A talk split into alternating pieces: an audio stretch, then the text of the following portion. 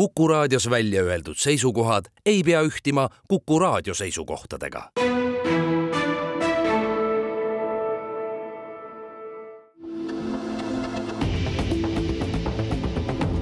kahevahel. kahevahel. tere ajakirjanikud Timo Tarve, Ainar Ruussaar alustamas igareedest vestlussaadet Kahevahel ja meie vahel on täna Kuku raadio stuudios rahandusminister Mart Võrklaev, tere! tere päevast! Mart Võrklaev on praeguse valitsuse noorim liige, rahandusministri portfelli sai pärast kevadisi Riigikogu valimisi. enne seda juhtis Mart Võrklaev parlamendis Reformierakonna fraktsiooni ning enne seda oli Rae vallavanem. hariduselt on ta geoteed ning sel erialal ka töötanud ilusat nimepäeva, Mart. Öelge, kas riigieelarve, igasugune eelarve ja selle kokkupanek on võrreldav näiteks ka geodeesiaga, kus lisaks pikkuse, laiuse, korrutisele tuleb arvestada ka väga paljusid muid näitajaid, kõrgus, raskuskiirendus ja nõnda edasi? Äh, ja aitäh ja minu poolt ka kõigile head äh, mardipäeva, vot see geodeesia riigieelarve võrdlus on päris hea ja pani kohe mõtlema, et äh, ma julgeks arvata, et see geodeesia on veel nõksu keerulisem, et et äh, kõike seda aru saada ja, ja teada ja täpselt teha ja loomulikult vähemalt sel ajal, kui äh, ma veel koolis käisin, äh, et siis üliõpilane geodeesia ja kogu selle mõõdistu sisust aru saaks, tuli kõike teha käsitsi ja, ja käsitsi ja peast arvutada. et, et eelarvet mõnevõrra nii-öelda arvutuslikult on lihtsam teha, sul on hulk abilisi, aga eks see debatt Äh, ja, ja nüüd need valikute tegemised ühiskonnas on teistpidi kordades raskemad, et äh, geodeedina sa lihtsalt lähed mõõdad ja kui numbrid on täpsed, on asi hästi, et äh, saab tee ja maja õige koha peale tänavuse aasta riigieelarve ja sellega seotud seadused said suuresti tänu EKRE-le üle kahe tuhande seitsmesaja muudatusettepaneku, see oli ju teada, et neid läbi ei menetleta ning teisel lugemisel tuleb ilmselt korraldada usaldushääletus. milleks see komejant ja ööistung siis seal Riigikogus kolmapäeval oli? Eh, nüüd kolmapäevane ööistung oli tegelikult alles ju kahekümne kolmanda aasta eelarve muutmise üle ehk et eh, see, see, sellega me veel ei ole jõudnud järgmise aasta eelarveni, aga EKRE loomulikult, nii nagu ta kevadest peale siis koos terve opositsiooniga otsustas Riigikogu töö seisma panna, eh, kus ükski eelnõu ei liikunud, sellepärast et nemad ei tunnista valimistulemust. noh, seda EKRE nüüd jätkab, Isamaa ja Keskerakond on sealt nii-öelda mm, suuresti ennast lahti lõiganud, eks nad on aru saanud, et ikkagi riik peab toimima ja, ja Riigikogu äh, töötama, aga aga kui vaadatagi neid muudatusettepanekuid, mis nüüd eelarvet puudutavad, siis äh, võib-olla me jõuame neist küll veel rääkida, aga EKRE ei proovigi seal sisulist tööd teha. kui võtta kokku Isamaa ja Keskerakonna ettepanekud, siis ma julgen öelda, et seal on ka mitmeid ettepanekuid, mis on juba täna eelarves eh, sees ja teised loomulikult eh, opositsiooni tööriistad ehk et võtame ka raha reservist ja, ja paneme toredateks asjadeks. aga seda, kust see raha tuleb või kuidas siis eelarve seisu parandada, et noh, seda seal tegelikult ei ole. küsin üle, te ütlesite, et te arvestasite mõnede Isamaa ja Keskerakonna ettepanekutega. ei, ma ei öelnud, et ma arvestasin me, vaid et eelarves on juba tegelikult mitmed asjad kirjas, mis nemad teevad muudatusettepanekuga, mida tegelikult valitsus juba täna teeb, ehk et minu meelest annab see tegelikkuses kindlust, et kahekümne neljanda aasta eelarve on päris hea, me parandame riigi rahanduse olukorda, aga samal ajal eh, paneme ka raha kõige kriitilisematesse valdkondadesse ja sealhulgas oleme investeeringutelt, eh, siis avaliku sektori investeeringutelt eh, Euroopa tipus, kolmandal kohal. niisiis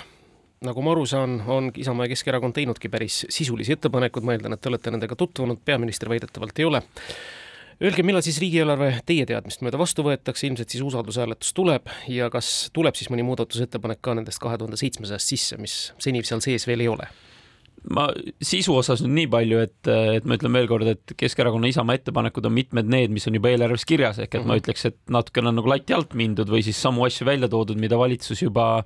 täna teeb, et paneme teedesse raha juurde ja tõsi küll, mitte nii palju, kui nemad sooviks või ettepaneku teevad, aga noh, pole ka katteallikat äh,. idapiiri väljaehitust justkui soovitakse kiirendada, et see raha on olemas nii eelarves kui sealsamas äh, siis äh, valitsuse reservis, kus tegelikult äh, muudatusettepanekud siis on, et kust tuleks raha aina ära võtta, et, et neid asju teha nüüd ehk et ma näen seda, et tegelikult kui nüüd Keskerakond ja Isamaa sooviks seda eelarvet toetada, siis on selleks väga selge alus olemas, sest et nad ka mitmes kohas ise ütlevad, et, et neid asju tuleb teha ja neid valitsus teeb. nüüd, millal eelarve vastu saab võetud, et tavaliselt me oleme selle detsembris ikkagi suutnud ära teha, soov on ka seekord teha. EKRE on eelarvemenetluse, nii nagu kõik muud menetlused praktiliselt Riigikogus seisma pannud ja eks siin nüüd tuleb valitsusel kaaluda, kas siis seda usalduse teed minna või mitte. noh selle obstruktsiooni tagajärg tavaliselt on usaldushääletus ja kui EKRE on teinud obstruktsiooni, siis suure tõenäosusega meil midagi muud üle ei jää, sest et äh, Riigikogu peab saama töötada, riik peab saama edasi toimetada aga tõsi, see võtab ära võimaluse tõesti arutada nende samade Keskerakonna et Isamaa ettepanekute üle, neid saalis hääletada, kus ikkagi saaks äh, siis opositsioon või nemad näidata, millised on äh, nende ettepanekud, ehk et see võtab sellise Eh, hea poliitilise debati võimalust vähemaks. Esimesel lugemisel loomulikult käisin mina eelarvega ja teiste eelnõudega, andsin selgitusi, vastasin küsimustele, veetsin seal ka ikkagi pika päeva ja, ja pool ööd või, või varahommikul lahkusin. Aga noh, võimalus, millele EKRE kogu aeg rõhub, et tulevad erakorralised valimised, see on ikka kaduvväike, on ju. No tahaks küll loota, sellepärast et ega miks neid erakorralisi valimisi vaja on, sellepärast et EKRE siis üks erakond ei tunnista valimistulemust, et meil olid märtsis valimised, need olid seaduslikud, erinevaid vaideid EKRE tegi, need on saanud vastused. poliitiline reaalsus on see, mis on valimistulemus ja siis nüüd öelda, et mulle see ei meeldi, kui mina võimule ei saa, siis järelikult ma panen riigi seisma, kasutan selleks kõikvõimalikke Eh, vahendeid, ei lase Riigikogul töötada ja siis saavutan olukorra, kus tuleks erakorralised valimised. noh, see ei ole kuskilt otsast selline demokraatlik ja, ja selline riigimehelik, et ainult piirdub siis sellega, et kuidas ise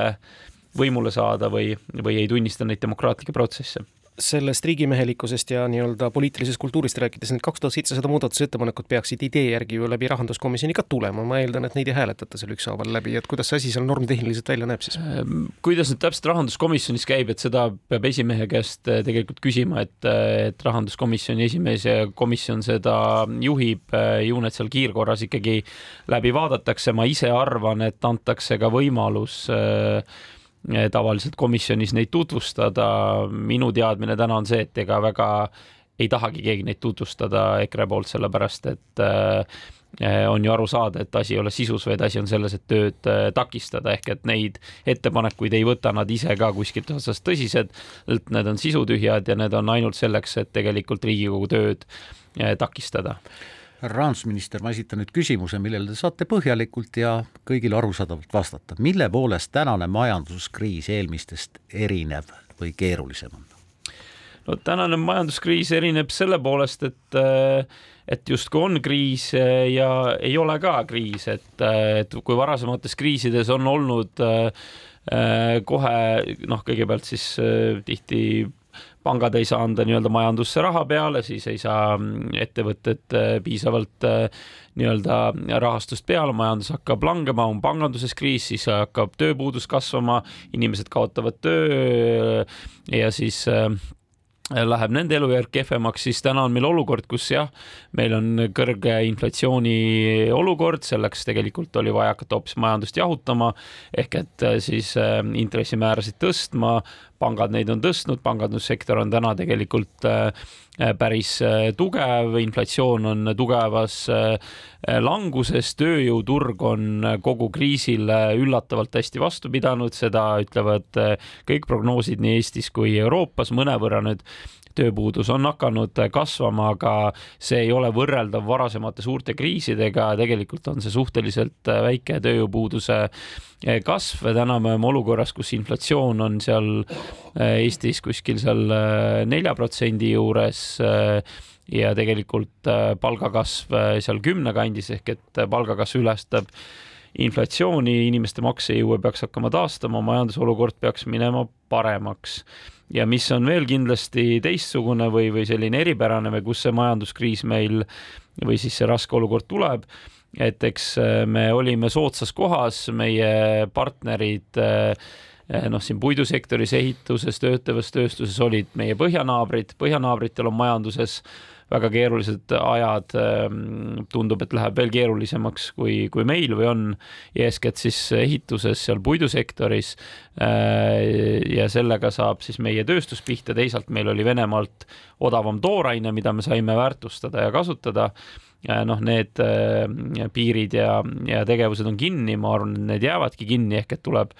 ümber orienteeruda ehk mitu sellist halba olukorda, halba Äh, asja korraga ja sealt see langus tuleb. Ja noh, loomulikult ärme unusta ka energiahindasid, kus see tegelikult, eks ju, juba siis enne suurt Venemaa agressiooni alguse sai, et Venemaa hakkas seda gaasi hinda üles kruvima, sealt tekkis äh, meil ähm, siis äh, elektri hinna tõus, see omakorda kandus edasi hindadesse, noh, mis siis tekitas ka seda äh, inflatsiooni, aga veel kord, et see kriis ongi omapärane, sellepärast et eh, nagu ma alustasin, just on kriis ja ei ole ka, osadel sektoritel läheb paremini. näiteks siin teenused, majutus pigem on olnud kogu aeg kasvutrendis. Eh, ja siis töötlev tööstus, ehitus eh, miinuses, aga veel kord jah, tööjõupuuduse kasv on võrdlemisi tagasihoidlik ja palgad kasvavad, inflatsioon on alla tulnud. Ja eks seesama inflatsiooni jahutamine on ju samamoodi toonud kaasa selle, et majandus peabki jahtuma, see oli eesmärk, et hinnad alla tuleks, kui seda teha, teinud ei oleks, eh, siis eh, need kõrged hinnad, kõrge inflatsioon kokkuvõttes on inimestele ja majandusele koormavam kui siis nüüd see majanduse mõnevõrra jahutamine ja, intressimäär tõstmine. Läheme siinkohal väikesele reklaamipausile kahevahel. kahevahel. saade Kahevahel jätkab, täna on meie vahel ja need meie oleme Ainar Ruussaar ja Timo Tarve, istumas rahandusminister Mart Võrklaev, räägime riigieelarvest, räägime majandusest. eelmise põhjaliku vastuse järel miks või, või järeldusena tahaks nüüd küsida, aga miks on nõnda läinud, et meie majandus juba tegelikult kuuendat kvartalit järjest kukub? kas on nüüd tõesti süüdi ainult see kehv eksporditurg ja meie sõltuvus sellest või on ka midagi, mis on meil tegemata jätmisi olnud? no eks see põhjus suuresti ongi see, millele ma ka viitasin, et energiahindade tõus, sellest tulenev äh, inflatsioon, siis äh, Venemaa agressioon Ukrainas, nende tarnekanalite kinnipanek ja teisalt siis äh, tugev majanduslangus meie partnerite juures, eeskätt Põhjamaades, Soome, Rootsi. Ehk et äh, see on meie töötlevale tööstusele tugeva äh, jälje jätnud ja nüüd, kui öeldagi siin, et vot, et riik peaks rohkem investeerima, majandusse raha süstima, et siis äh, seda majandust päästa, siis Eesti on esirinnas Euroopas oma siis äh, avaliku sektori investeeringute poolest äh,. Seda ka järgmisel aastal, et me oleme Euroopas kolmandal kohal ehk et riik teeb palju, aga riik ei saa kogu seda majandust selles mõttes üleval äh, pidada ega selleks äh, äh, seda kuidagi nii lõpuni päästa, kui see, kui meie naabritel läheb halvasti ja meie turud on äh, kinni või, või siis tugevas äh, languses ja, ja nõudlus on ära kukkunud äh,. aga nagu prognoosid näitavad ja, ja nii nagu ka palgatõusu numbrid näitavad, et tegelikult olud peaks minema paremaks äh, siin uuel aastal. aga loomulikult on täna suurel hulgal Eesti ettevõtjatel ähm, väga keeruline äh, aeg lõunanaabritel Lätil, Leedul läheb nagu paremini või kas nad, kas nad ei ole veel jõudnud sellisesse tsüklisse nagu meie või ongi neil parem? No see tunnetus vähemalt jälle, need on prognoosid, aga tunnetus on see, et tegelikult meie oleme jälle käinud selle põhja ilmselt läbi täna. Äh, sest et äh, võrreldes siis minu meelest kas eelmise kvartaliga ikkagi äh, võib öelda, et see nii-öelda majanduslangus on peatunud aga minu teada vähemalt siin muus Euroopas võib see veel hetkel süveneda, ehk et me oleme olnud inflatsioonis nii-öelda esi, eesrinnas ja siis, kui teistel tõuseb, hakkab meie välja tulema ja võib juhtuda, et ka majanduslangusega on nii, aga see sõltub väga ikkagi ka piirkonnast, et ongi, et kui alati või valdavalt on tugev olnud meie siin põhjanaabrite majanduskeskkond, siis täna on ähm, nemad ühed kõige rohkem äh, pihta saanud ja noh, samamoodi on Euroopas, äh, Saksamaal kehvem, Hispaanias ma just siin Ecofinilt tulin, rahandusministri kohtumiselt läheb mõnevõrra paremini. Et noh, see sõltub ka piirkonnast ja nendest oludest Mart Võrklaev, mõned meie ettevõtjad on päris kriitilised. Alexela üks juht, Martti Hääl ütleb, et äh, välisinvestorid soovivad pigemini Eestis praegu kapitali ära viia.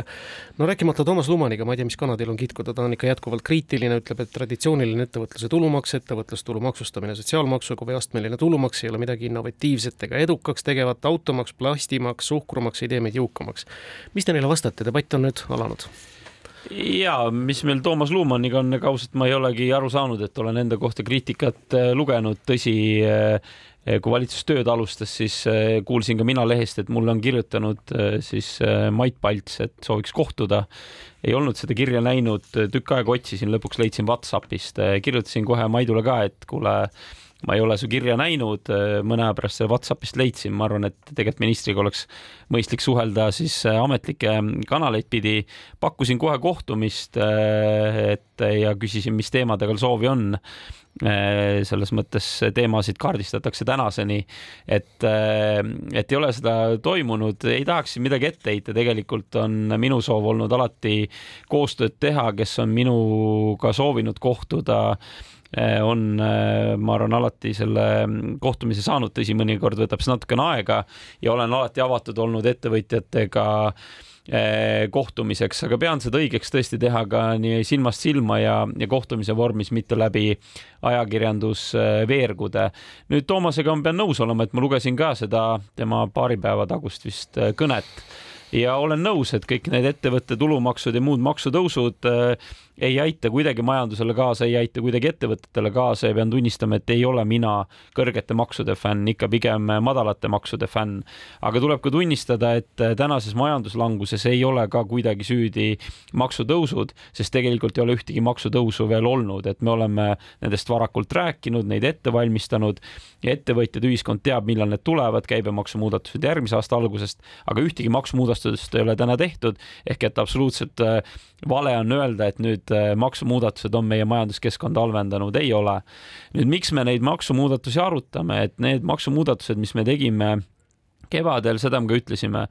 meil on vaja tõsta meie kaitsekulusid, see julgeolekuolukord on äh, drastiliselt muutunud. selleks, et olla kaitstud, selleks, et äh, keegi isegi ei mõtleks meie ründamise peale, pidime me tõstma kaitsekulud kolmele protsendile. selleks olid kevadised maksumuudatused, perehüvitiste riigile jõukohasemaks tegemine. Need said juba suvises majandusprognoosis aluseks võetud ja samuti tõstetud kaitsekulud järgmiseks neljaks aastaks kolmele protsendile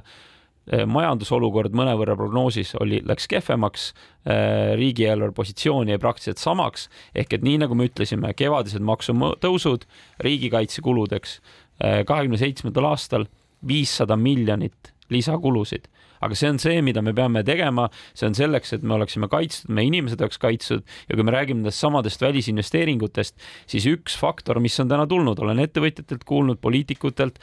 ongi jah, see, et meie eh, siis paiknemine Venemaa kõrval, me, meile peljatakse tulla, aga riigi see sõnum, et me oleme kaitstud, me paneme oma kaitsesse raha, on samamoodi väga oluline sõnum eh, välisinvestoritele eh, ka, et siia on turvaline tulla, tulge ja, ja siin on selles mõttes hea keskkond, kus oma ettevõte tuua. Ja see, et see agressioon ja sõda seda mõjutas, seda oli näha ka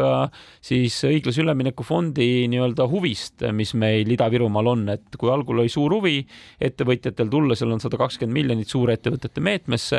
siis äh, see huvi on tänaseks raugenud, sest et mõnevõrra peljatakse. ehk et maksumuudatused, mis me oleme teinud, on olnud kaitsekuludeks ja kaitsekuludel, meie kaitstusel on väga tugev sõnum äh, ka välisinvestoritele. Eestis on täna ka jätkuvalt äh, siis tulumaksusüsteem ettevõtetele, kus sa maksad ainult dividendidelt. tõsi, seda dividendide osa me nüüd maksuprotsenti siis kahekümne viiendast aastast muudame täpselt samamoodi, et ka siis ettevõtjad, dividendimaksjad panustaksid eh, meie kaitsekuludesse, nii nagu käibemaksu tõus ja nii nagu siis ka tulumaksu eh, tõus teeb tulumaksu tõusu protsent. Äh, ja, ja, ja ma arvan, et see on õiglane ja vajalik. kas nüüd meil on vaja veel makse tõsta? jah, kui me vaatame meie eelarve seisu, siis me oleme ta riigieelarve strateegias kirjutanud, et, et selleks, et riigieelarve tasakaalu poole liikuda, me peaksime veel makse tõstma. nüüd me täna äh, loeme siin ka debatti ja, ja, ja õpetajate streik käib, et, et äh, oleks vaja täiendavaid kulusid teha. kõik need täiendavad kulud, mis me teeme see tähendab seda, et teisele poole me peame panema veel maksumuudatusi ehk et me peame endale aru andma, et, et need maksumuudatused, mis me oleme teinud ja mis meil veel plaanis on, need katavad ära juba täna võetud kulutused, kulutused oleme võtnud enne, nüüd peame hakkama sinna tulusid peale tooma ja kõik kulud, mis me nüüd juurde tahame võtta, tähendab seda, et see peab tulema täiendavate maksu äh, siis äh, tõusude arvelt. kas meie, kas meie ühiskond on selleks valmis? inimesed tänaval ütlevad, ei ole ja ettevõtjad ütlevad, et ei ole, siis me peamegi vaatama, et meil ei ole võimalik neid uusi kulusid äh, järjest peale võtta. et kui võttagi see täna aktuaalne õpetajate streik ja õpetajate palgatõusu teema, õpetajate palga äh, tõusevad äh, järgmisel aastal võrreldes eelmise aastaga on tõusnud kakskümmend neli protsenti, järgmisel aastal on õpetajad ühed ainukesed, kelle palgafond jätkuvalt tõuseb, aga me peame arvestama, et me kulutame täna rohkem, kui meil on tulusid ehk et kõik püsikulud, mis me võtame, tulevad laenu arvelt. Ehk et olgu see õpetajate või päästjate, ükskõik kelle palgatõus, tõstame nelikümmend miljonit. Eh, selle intressikulu praegu riigi jaoks on kuskil kolm koma kaheksa protsenti, paneme sinna intressikulu juurde. Ehk et kõik need kulud, mis me teeme, püsikulud, neid me rahastame täna laenurahaga, kas see on mõistlik, kas see on tark, minu arvates mitte kui meil on kehv eksporditurg või olukord eksporditurul on kehv, kui mõned välisinvestorid soovivad oma kapitali Eestist ära viia, kuulge, see on ju võimalus, et siinsed ettevõtjad investeeriksid ise rohkem Eestisse, kas nemad, kas nad ei julge? tegelikult ju investeeritaksegi, et kas ei olnud eile see, kus jälle Ragn-Sellsi, kas tütarettevõte Ida-Virumaal hakkab väärindama põlevkivi tuhka Äh, õiglase ülemineku fondi raames äh, mitmed ettevõtted täna äh, magnetivabrik, filtritehas ehitavad oma hooneid ehk et et nii nagu ma ka alguses ütlesin, et see sõltub tegelikult sektorist, see sõltub ettevõttest, osadel läheb kehvemini, osad täna investeerivad, laienevad, panustavad. see, kas nüüd kellegi lahkumine on justkui siseturul hea, ma arvan, et kellegi lahkumine ei ole kokkuvõttes hea, sellepärast et mida rohkem on meil siin ettevõtlust, mida rohkem meil on töökohti, eh, seda paremad tingimused on meie inimestel, seda rohkem tuleb äh, maksuraha. aga, aga eks see majandusolukord on see, kus ühtedel lähebki halvemini, teistel paremini ja, ja tänased numbrid ju näitavad ja, ja, ja see, mis väljas toimub, et tegelikult ka jätkuvalt siia äh, investeeritakse. Ja eile just avaldasime andmed, et riik on üle neljasaja miljoni andnud ka erinevateks tulevikuinvesteeringuteks äh, riigiabi, eks, et äh, toetuste näol. Ehk et äh, jällegi ka riik panustab siin, et tuua neid tulevikukindlaid ja, ja uut majanduskasvu rajavad ettevõtteid ja, ja tegevusi siia. teeme siin väikese pausi ja siis jätkame kahevahel. kahevahel. igareedene vestlus sada kahe vahel jätkub. Timo Tarve, Ainar Ruussaar ja meie vahel Kuku raadio stuudios on rahandusminister Mart Võrklaev hea rahandusminister, te juba viitasite, me teame, et tänane hommik on kaasa toonud paljude õpetajate ja haridustöötajate, mitte küll kõigi, tunniajase streigi. õpetajate esindajad tulid selle nädala kohtumiselt peaministriga välja üsna lootusetuste sõnumitega. ja peaministri sõnum eilsest õhtust, ma mõtlesin, kas ma loen õigesti, vaatasin üle ka, kuulsin ka õigesti. on õpetajatel olnud, et nad võiksid streigi asemel hoopis toetada ja reklaamida automaksu. ma ei tea, kas see on päris kultuurne viis nõndaviisi õpetajatega käituda ma alustaks sellest, et äh, minul on siiralt kahju, et me oleme siia olukorda jõudnud, et õpetajad äh, streigivad, sest et äh, saate alguses viitasite ka, olen pikalt omavalitsust juhtinud, fraktsioonisi juhtinud, nüüd rahandusminister. pean tunnistama, et olen terve elu selle poolt olnud, et õpetajad peavad väärikat palka saama. Alati, kui on võimalus olnud, olen seda ka vedanud, et, et kui on ka rasked ajad, siis õpetajate palgad kasvaksid. kasvasid niimoodi Rae vallas ja minu meelest on ka kasvanud viimastes riigieelarvetes. viimane tõus nüüd siis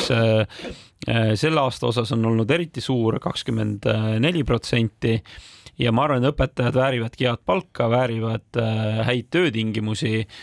aga teisalt me peamegi vaatama, et äh, kus me täna oleme. Ja see, kui keerulistes äh, majanduslikus seisus on riik, see, kui keeruline riigieelarve olukord, siis me peamegi endale aru andma, et, et kui meil ei ole võimalik, siis teeme tagasihoidlikumalt. Ja õpetajad tegelikult kevadest peale teavad, et diferentseerimisfondi viisteist miljonit juurde tuleb see on see raha, mis aastaid tagasi neil tegelikult äh, nii-öelda kübaratrikiga ära võeti, et justkui äh, Mailis Reps haridusministrina tõstis palka, tegelikult võttis diferentseerimisfondist ära, see on see raha,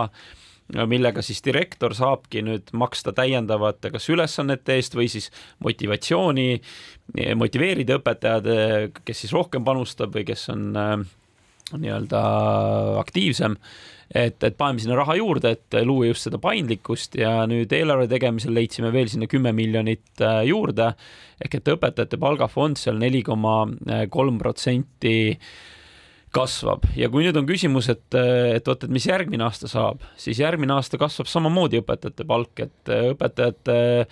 keskmist palka saav õpetaja netosissetulek kasvab kuskil sada eurot ja see kasvab sellesama tulumaksureformiga, sellesama maksuküüru kaotamisega, mida nüüd justkui kõik taga igatsevad. minul tekib küsimus, et kui see maksuküür nii hea on, miks seda õnne siis täna meie õuel pole, sest see maksuküür täna kehtib, aga riigieelarve on jätku ikkagi miinuses ja ma seda õnne siis kuskil ei näe, et tõsi, kahekümne viiendast aastast see kaob ja toob netopalgast sada eurot õpetajatele juurde. ehk et tegelikult on õpetajatel, päästjatel, politseinikel Äh, kindlus olemas õpetajatel eeskätt ja järgmine aasta tõuseb palk neli koma kolm protsenti, kahekümne viiendal aastal maksuküüru kaotamisega netopalk kuskil seal sada eurot ehk et äh, nagu ma ütlesin, mul on väga kahju, et me oleme streigini jõudnud. siiralt mina arvan, et täna selleks streigist põhjust ei ole, ma saan aru, äh, olukord on keeruline, me oleme väsinud erinevatest kriisidest inimesed on väsinud ja eks see kanaliseerub ka sellises streigis aga ma arvan, et siin tuleks pigem üksteist mõista, saada aru, et riigieelarve on keerulises olukorras, miks, miks ta seda ka on, ongi see, et me oleme võtnud endale aegade jooksul kulutusi, millele me ei ole katet pannud ja teiseks needsamad kaitsekulud. me tegime maksumuudatusi selleks, et katta kaitsekulusid ja need kaitsekulud on meile meie nii-öelda naabri poolt peale sunnitud, loomulikult võiks võtta seal üks protsent SKP-st, kuskil seal nelisada miljonit tõsta sellest õpetajate palka, investeerida haridusse, panna seda tervishoidu, eh, teha selle eest teid, eh, investeerida eh, ühistransporti, aga me peame panema selle padrunitesse, sellepärast et me peame ennast kaitsma ja see on iga Eesti inimese jaoks, me rääkisime ettevõtjatest, see on õpetajate jaoks. et mina kutsuks küll õpetajaid siin tegelikult üles mõistmisele, julgen öelda, et et äh, tänane valitsus on väga õpetajatemeelne ja õpetajaid alati toetav, aga me peame ka ausalt endale tunnistama, et me saame toetada ja palka maksta nii palju, kui meil on täna võimalik. ja need otsused, mis me täna teinud oleme, see on see, mis on täna võimalik noh, kas tulevik on parem, mina tahaks loota, et on, haridusminister on lubanud ka haridusvaldkonnas äh, reforme teha, see on olnud üks selle valitsuse eesmärke, et äh, otsida kokkuhoiukohti ja, ja teha reforme ja selle arvelt siis riigieelarvet parandada, samal ajal leida täiendavaid vahendeid õpetaja palgaks. see oli ka see, kuidas sai see punkt koalitsioonilepingusse. rahalist katet me sinna neljal aastal ei saanud panna, sellepärast et me nägime, et neid võimalusi pole. küll pidasime me vajalikuks öelda see välja, et jah, meie eesmärk on saja kahekümne protsendini keskmisest palgast õpetaja keskmise palgaga jõuda ja plaan oligi, et äh, neid rahasid me proovime võimalikult palju leida haridusvaldkonna seest. täna sealt neid liiga palju leitud ei ole, samas on veel mitu aastat minna, ma loodan, et äh, ja tean ka, et haridusminister äh, seda tööd teeb ja samas ei tohiks me ka ära unustada, et täna meil on kolmteist omavalitsust Eestis kus õpetaja keskmine palk on juba täna sada kakskümmend protsenti Eesti keskmisest ja seal on nii riiklik siis palgafond, osad omavalitsused panustavad ise. Äh, mina julgen arvata, et üks oluline märksõna on seal koolivõrgu selline optimeerimine ja korrastamine. ja meil on täna omavalitsused, kus on sada kakskümmend protsenti pluss õpetajate palk ja me oleme kahekümne kolmandas aastas. koalitsioonis me võtsime eesmärgiks jõuda sinna äh, nelja aastaga, et, äh, et valitsus teeb selle nimel tööd ja mina kutsuks küll kõiki õpetajaid üles mõistma. Meie mõistame neid, õpetajad võiks meid mõista ja minna sellel keerulisel ajal koos edasi. väga paljud ettevõtjad, poliitikud, ajakirjanikud ka armastavad rääkida, et avalik sektorit tuleb kärpida ja avalikku sektorit tuleb muuta efektiivsemaks. kas see tähendab, Mart Võrklaev, seda, et tegelikult me peame avaliku teenuste osa kuidagi kokku tõmbama? Jah, see seda tähendab, et hästi lihtne ja populistlik on öelda, et äh, võtke need äh, miljonid, miljonitest on vähe tegelikult, meil on vaja ju sadu, sadu miljoneid. et võtke need sajad miljonid äh, sealt, laske ametnikud lahti ja, ja leidke see raha, noh, välisministeeriumi eelarve sada kolmkümmend miljonit.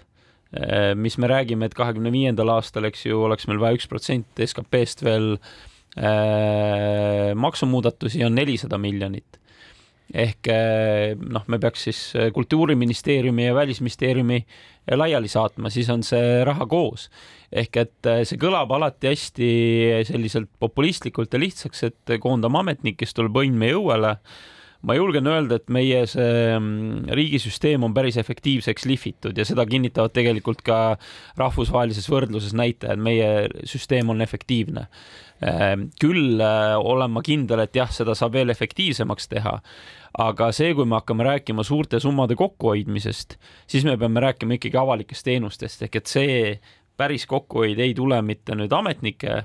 koondamisest äh, või nende töö optimeerimisest, mida tuleb ka mõõdukalt teha. ja see tähendab seda, et me peame mingeid asju muutma. üks muudatus oli seesama perehüvitiste riigile jõukohasemaks tegemine. Ähm, see oli minu arust nelja aasta peale ligi viissada miljonit, eks ju, kus me nüüd võtsime kulusid eelarvest maha. aga see, kui me tahame päriselt äh, nüüd ilma äh, täiendavate suurte maksutõusudeta teha riigieelarvet korda või arutada neid samu äh, võimalikke palgatõuse, siis me peame vaatama üle, et kus meil on selliseid äh, kulusid, teenuseid, mida justkui me pakume, aga võib-olla peame tunnistama, et ei suuda pakkuda või vähemalt selles mahus aga kõik need otsused, kõik need valikud puudutavad absoluutselt meie ühiskonda, ei ole niimoodi, et, et sa võtad midagi ära, saad suure summa kokku hoida ja seda kedagi ei märka, ehk et need kõik on täpselt sama valusad, keerulised debatid, kui me kuskilt midagi vähemaks võtame. ja siin need hüüded ka, et kasvõi sellesama palgadebati valguses, et, et me ju oleme plaaninud järgmisel aastal veel nii kokkuhoidusid kui maksumuudatusi, et selle arvelt saab teha palgatõuse, siis ei saa, sellepärast et saate algul ka ma ütlesin, need on selleks, et katta juba võetud kohustusi, me võtame kohustused peale, tuludega pole järgi tulnud, need on selleks, kui me tahame midagi juurde teha, siis järelikult me peame kas kuskilt rohkem veel kokku hoidma või siis täiendavaid maksumuudatusi tegema. mina ise olen tugevalt eh, kokkuhoidu pooldav, valmis ja, ja nii-öelda otsima ja, ja otsustama kohti, kus tuleks natuke tagasi tõmmata, loomulikult see ei ole lihtne, eelarve läbirääkimistel ka mitmed mõtted käisid, said ka tugevat kriitikat, aga seal ei ole lihtsaid lahendusi, seal on ainult rasked lahendused. siinkohal veel üks reklaamipaus ja siis jätkame saadet kahe vahel. kahevahel. kahevahel saade Kahe vahel täna ühes rahandusministri reformierakondlase Mart Võrklaevaga, miks ma rõhutasin äh, Reformierakondlast, räägime ikka sisepoliitikast ka. turbulentsi on siingi tunda valitsuskoalitsiooni partnerite hulgas. milliste tundmustega jälgib Reformierakond valitsuspartneri ja Eesti kahesaja ridades toimuvat? noh, alates nende reitingust, esimehe vahetusest ja kõigest muust. eks iga erakonna selline et tegutsemine või on, on nende siseasi suuresti, et loomulikult me jälgime, meid huvitab, kuidas meie partneril läheb. Äh, sellest sõltub ka nii-öelda valitsuse äh, töövõime, et äh, aga, aga iga erakond teeb ise oma otsused ja valikud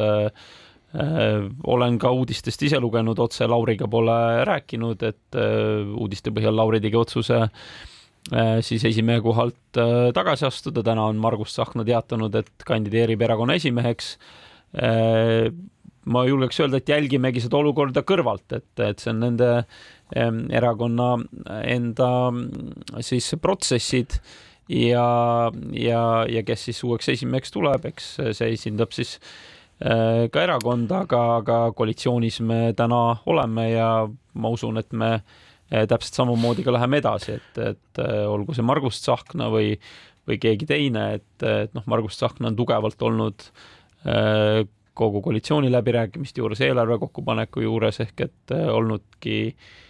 ka Eesti kahesaja nii-öelda valitsusdelegatsiooni juht miks ma seda küsin, on see, et võib-olla annab Reformierakonnale hea šansi kätte, vaadake sellised madal reiting, ebakindlus, erakonna esimehe vahetus teeb erakonna nõrgaks ja te saate valitsuspartnerist paremini üle sõita. jah, nad ei räägi enam automaksust, nad ja, tegelevad oma asjaga. tegelevad oma no, asjaga. ma pean tunnistama, et e-, ei ole eriline ülesõitja ei mina ega minu meelest tänane Reformierakonna ka valitsusdelegatsioon ega, ega ka fraktsioon, et tegelikult äh, Äh, parim koostöö sünnib üksteise sellisest austamisest ja arvestamisest ja mina tihti tunnen sellest äh, siin suures poliitikas äh, pigem puudust, et minule väga meeldib see, et kui me lepime mingid asjad kokku, siis me seda teed ka läheme. Ja see valitsus on teinud rea raskeid kokkuleppeid, olid keerulised need koalitsiooniläbirääkimised, olid keerulised eelarve läbirääkimised, sest äh, kui aastaid, ma julgen öelda, on see käinud pigem nii, et, et eks siin oli oma roll ka kriisidel ja eelarvereeglite nii-öelda puhkeasendis olekul, et et eh, sai kaubelda kogu aeg, et eh, tahaks hirmsasti kulutada. Reformierakond on enamasti olnud jutumärkides siis see paha, kes tahab vähem kulutada aga kuna piir ees polnud, siis, siis sai kõike nõuda, siis sellel nii koalitsiooni läbirääkimistel kui eelarve läbirääkimistel tõesti kolm partnerit proovisid eh, otsida neid kohti, kust kokku hoida, kust täiendavaid tulusid saada ja siis tulid alles need kohad, kus siis kõige hädavajalikemaid kulusid teha ja see on oluliselt keerulisem arutelu ja see tekitab ühiskonnas oluliselt rohkem pingeid, kui sa pead kellelgi kas midagi ära võtma, noh, olgu see siis kokkuhoid või tegelikult maksutõus ja saad natukene ainult eh, juurde anda ja seda väga sihitult. Et, eh, et on seda keerukust ja, ja pahameelt rohkem aga me oleme sellest päris edukalt läbi tulnud. meil on tegelikult äh, väga hea kahekümne neljanda aasta eelarve, minu meelest seda kinnitab ka see, et, äh, et keegi nagu sel teemal väga kriitikat ei teegi, et öeldakse küll, et on kehva eelarve ja kiiruga tehtud ja, ja mis seal veel, aga siis hakatakse rääkima hoopis riigieelarve strateegiast, et kas meie pikad eesmärgid on ikka piisavalt täpselt sõnastatud need saavadki olla üldisemad ähm, ja, ja peavadki olema, aga kakskümmend neli aasta eelarve on suhteliselt konkreetne ja, ja, ja kinnitab seda, mida me sõnades äh, äh, räägime, ehk minu soov oleks küll see, et sellel koalitsioonil oleks seda jõudu, julgust ja tarkust äh, nende keeruliste otsustega keerulistel aegadel edasi minna. ja mis kõik selle eesmärk on see, et tegelikult me Äh, ikkagi ehitaksime seda helgemat ja paremat tulevikku, et äh, tänased rasked otsused kindlasti meile tulevikus annavad äh, rohkem võimalust nii vajalikes valdkondades investeerida kui ka oma väikest riiki ülal pidada ja mis kõige tähtsam, olla kaitstud, sest et see oht, mis meie naaber meile tekitab, see, mis toimub Ukrainas, see ei ole meist kuskile kaugemale läinud, et äh, me peame olema valmis erinevateks kriisideks, erinevateks äh, ootamatusteks, seda ei pea kartma, aga tark ja selline äh, endast hooliv ja riik peab valmis olema ja näitama, et, et me teeme kõik selleks, et olla kaitstud ja meid ei ole mõtet torkima tulla olite neljapäeval Brüsselis Euroopa rahandusministrite kohtumisel, Euroopa Liit loodab kokku leppida uuendatud eelarvereeglites, nagu ma aru saan. seletage palun kuulajatele ja mulle ka ära, kuidas küll erineva majandustasemega Euroopa Liidu riigid saaksid mingites ühistes põhimõtetes kokku leppida? no need ongi eelarvereeglid, et need on needsamad reeglid, mis nüüd eh, Covidi ja kriisi ajal eh, olid nii-öelda stopi peal ehk eh, mis ma arvan, on tegelikult Eesti inimestele ka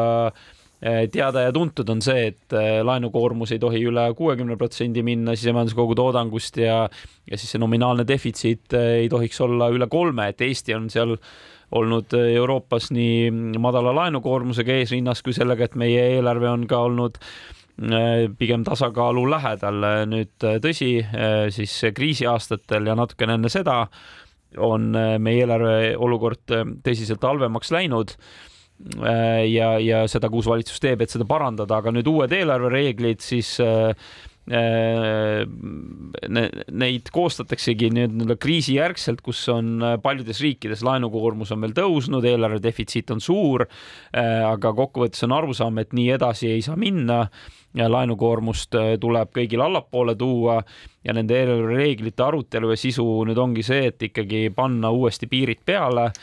kui palju tohib olla eelarve defitsiit, mis tohib olla siis äh, või mis äh, nii-öelda tempoga peaks iga riik äh, vastavalt siis oma olukorrale, aga samal ajal ka ikkagi äh, nii-öelda võrdsetel alustel või, või teatud sellise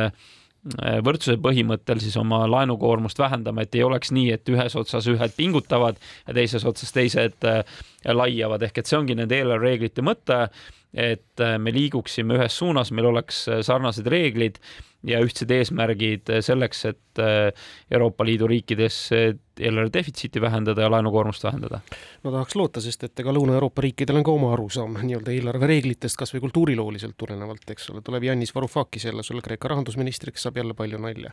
mõni kiirküsimus veel, valitsus on otsustanud, et Riigikohtus tühistatud õlitehase Enefit projektiga minnakse edasi, taotletakse luba ehituse jätkamiseks, aga plaan on muuta ühtlasi ka siis tööstusheite seadust, mida täpsemalt muuta soovite? Jah, õlitehase ehituse otsused on seal kaks tuhat üheksateist eh, tehtud. Eh, tollel hetkel olime ka meie Reformierakonnas kriitilised, et, eh, et pikaajalise kliimaeesmärkidega võib see olla vastuolus. täna on need riskid realiseerunud, aga see õlitehas on põhimõtteliselt valmis, et seal on kuskil üle kolmesaja miljoni kohustusi võetud, kogu selle ehitusmaksumus umbes kolmsada viiskümmend miljonit ja, ja, ja see tehas on valmis ehk et täna äh, siis on äh, võimalus kas jätta see seisma ehk et kolmsada viiskümmend miljonit sisuliselt äh, vanarauaks. korstnasse. Äh, jah, või siis ikkagi see tehas käivitada. ja siis keskkonnamõjude hindamise on vahepeal teinud Eesti Energia hinnanud ära ka need nii-öelda küsitavused, mida Riigikohus siis ette heitis, et see keskkonna siis mõjude hindamine ei olnud nii-öelda kinnitatud selleks ajaks, kui, kui see otsus tehti et täna on võimalik see kinnitada, omavalitsusel on võimalik selle pealt kaaluda ikkagi nõuetekohaselt ehitusloa väljaandmist, mida me loodame, et siis omavalitsus annab. siis saab põhimõtteliselt Eesti Energia minna tehase lõpuni ehitamisega edasi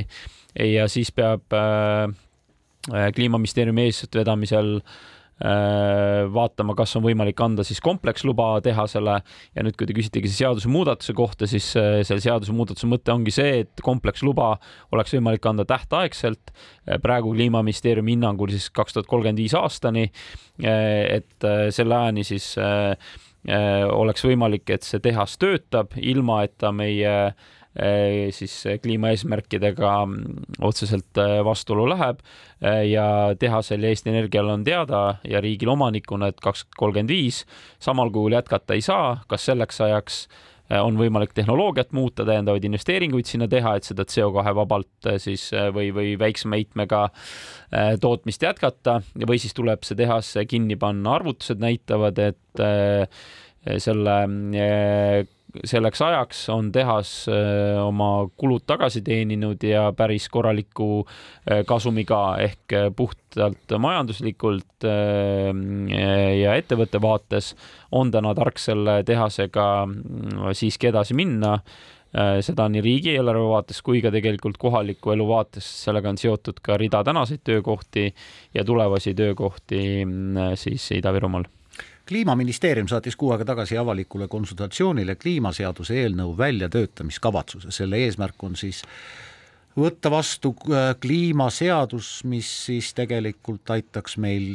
saavutada kliimaneutraalsust aastaks kaks tuhat viiskümmend, teie olite kriitiline seda erakonnakaaslasest kliimaministri Kristen Michali kavatsuse kohta, miks? ma nüüd ütleks jälle, et eks see kriitilisus on natuke niisugune ajakirjanduslik äh, liialdus, et äh, et nii nagu mootorsõidukimaksu väljatöötamiskavatsusele Kliimaministeeriumist tuli eh, kiri ja öeldi, et, et ollakse kriitiline, siis ma olin valmis, et, et see pealkiri nüüd tuleb eh, ja, ja tegelikult sai ka selle pilguga veel seda kirja üle vaadatud, aga see pealkiri tuli sellegipoolest, ajakirjanikud teevad tubli tööd ja, ja, ja kiitus neile selle eest, aga midagi nii kriitilist seal ei ole, et tegelikult peab tunnistama, et see eelnõude kooskõlastus on ikka või siis ka väljatöötamiskavatsuste kooskõlastus ongi selline, kus eri ministeeriumite ametnikud vaatavad oma professionaalsusest lähtuvalt neid asju üle ja siis annavad üksteisele soovitusi ja sisendit ja ma arvan, et see on väga vajalik ja mõistlik Äh, aga juriidilises vaates, protsessi vaates sellele kirjutabki alla minister. loomulikult äh, mina äh, tavaliselt loen ka need kirjad läbi ja, ja kui vaja, siis teen ka siin oma ettepanekuid, aga väga tihti on see ikkagi selline professionaalne